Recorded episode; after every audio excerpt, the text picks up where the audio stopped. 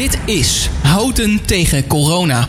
Yes, en op deze dinsdag 5 mei, het is uh, vandaag bevrijdingsdag. En ik zit hier samen met uh, Arthur in de studio. Het is van mij uh, vandaag de tweede dag dat ik erbij mag zijn bij deze opnames. En nou, het is misschien toch wel een beetje een, een gekke dag. want ja, in hoeverre zijn wij vandaag op bevrijdingsdag zijn wij dan vrij? gelukkig kunnen wij in Hout hier gewoon nog lekker naar buiten. Lekker nou, even het zonnetje meepakken. En hebben wij niet te kampen met dingen als voedseltekort. Maar iemand die ons natuurlijk het meeste daarover kan vertellen over die bevrijdingsdag vandaag is Houten, is de burgemeester. En als het goed is hebben we die nu aan de lijn. Goedemiddag. Een hele goede middag.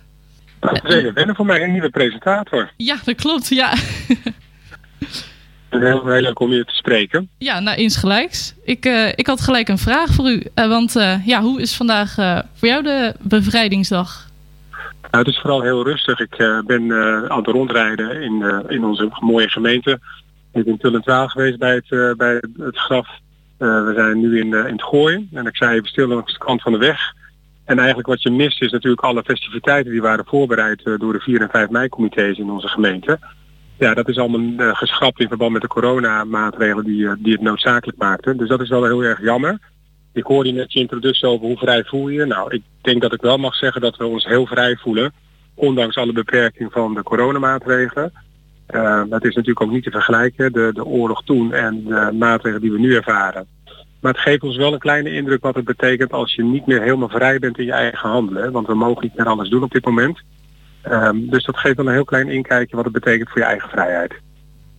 Ja, nee, dat begrijp ik inderdaad. Want is er verder nog vandaag iets op het programma wat alsnog uh, ja, misschien wel door kan gaan? Of? Officiële bijeenkomsten en festiviteiten zijn allemaal afgelast. Ik weet natuurlijk dat er wel uh, bij de verzorgingshuizen nog een aantal kleine initiatieven worden genomen om muziek uh, ten gehore te brengen. Om toch de dag wat op te vrolijken. Het is immers 5 mei en bevrijdingsdag.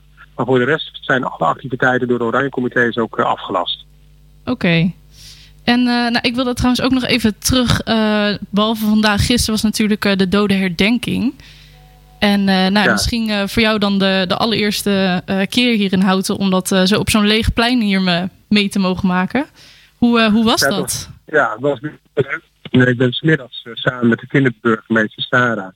ben ik eerst een krans gaan leggen op de rotonde en het monument in Schalkwijk zonder uh, vooraankondiging, want uh, er mocht geen publiek bij zijn. Dus uh, we hebben dat in een hele kleine en sobere setting samen met de voorzitter van het comité 4 en 5 mei Schalkwijk hebben daar een krans gelegd.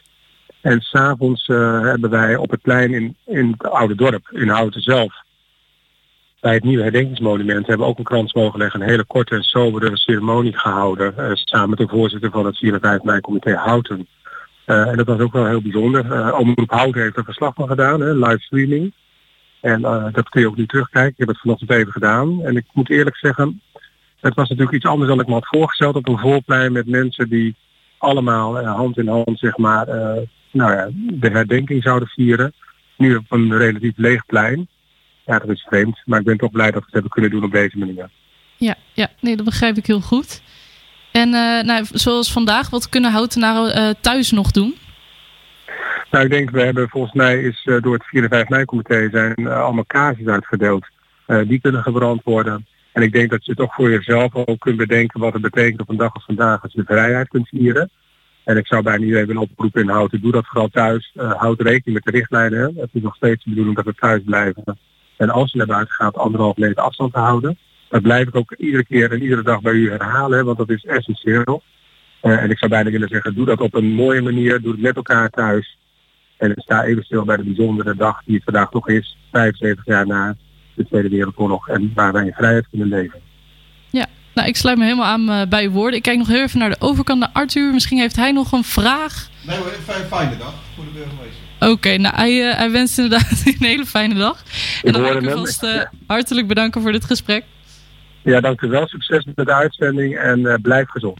Ja, dat gaan we zeker inderdaad allemaal doen. En dan uh, nou, nu voor uh, de luisteraars, de trouwe, welbekende Ik bin Widoe.